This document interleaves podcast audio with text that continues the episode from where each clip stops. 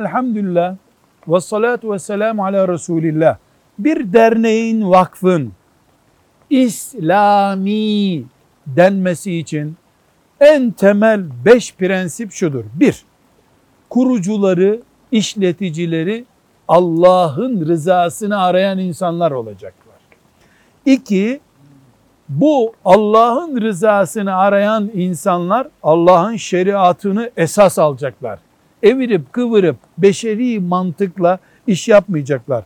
Üç, o vakıfta, dernekte yönetim ehline verilecek, adamına değil. Dört, o vakfın öncelikli ve önemli işler diye bir listesi olacak. Asla önüne geldiği işi yapmayacak.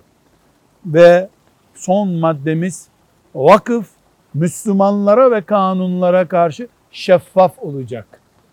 Üstü örtülü vakıf ve dernek olmamalı. Velhamdülillahi Rabbil Alemin.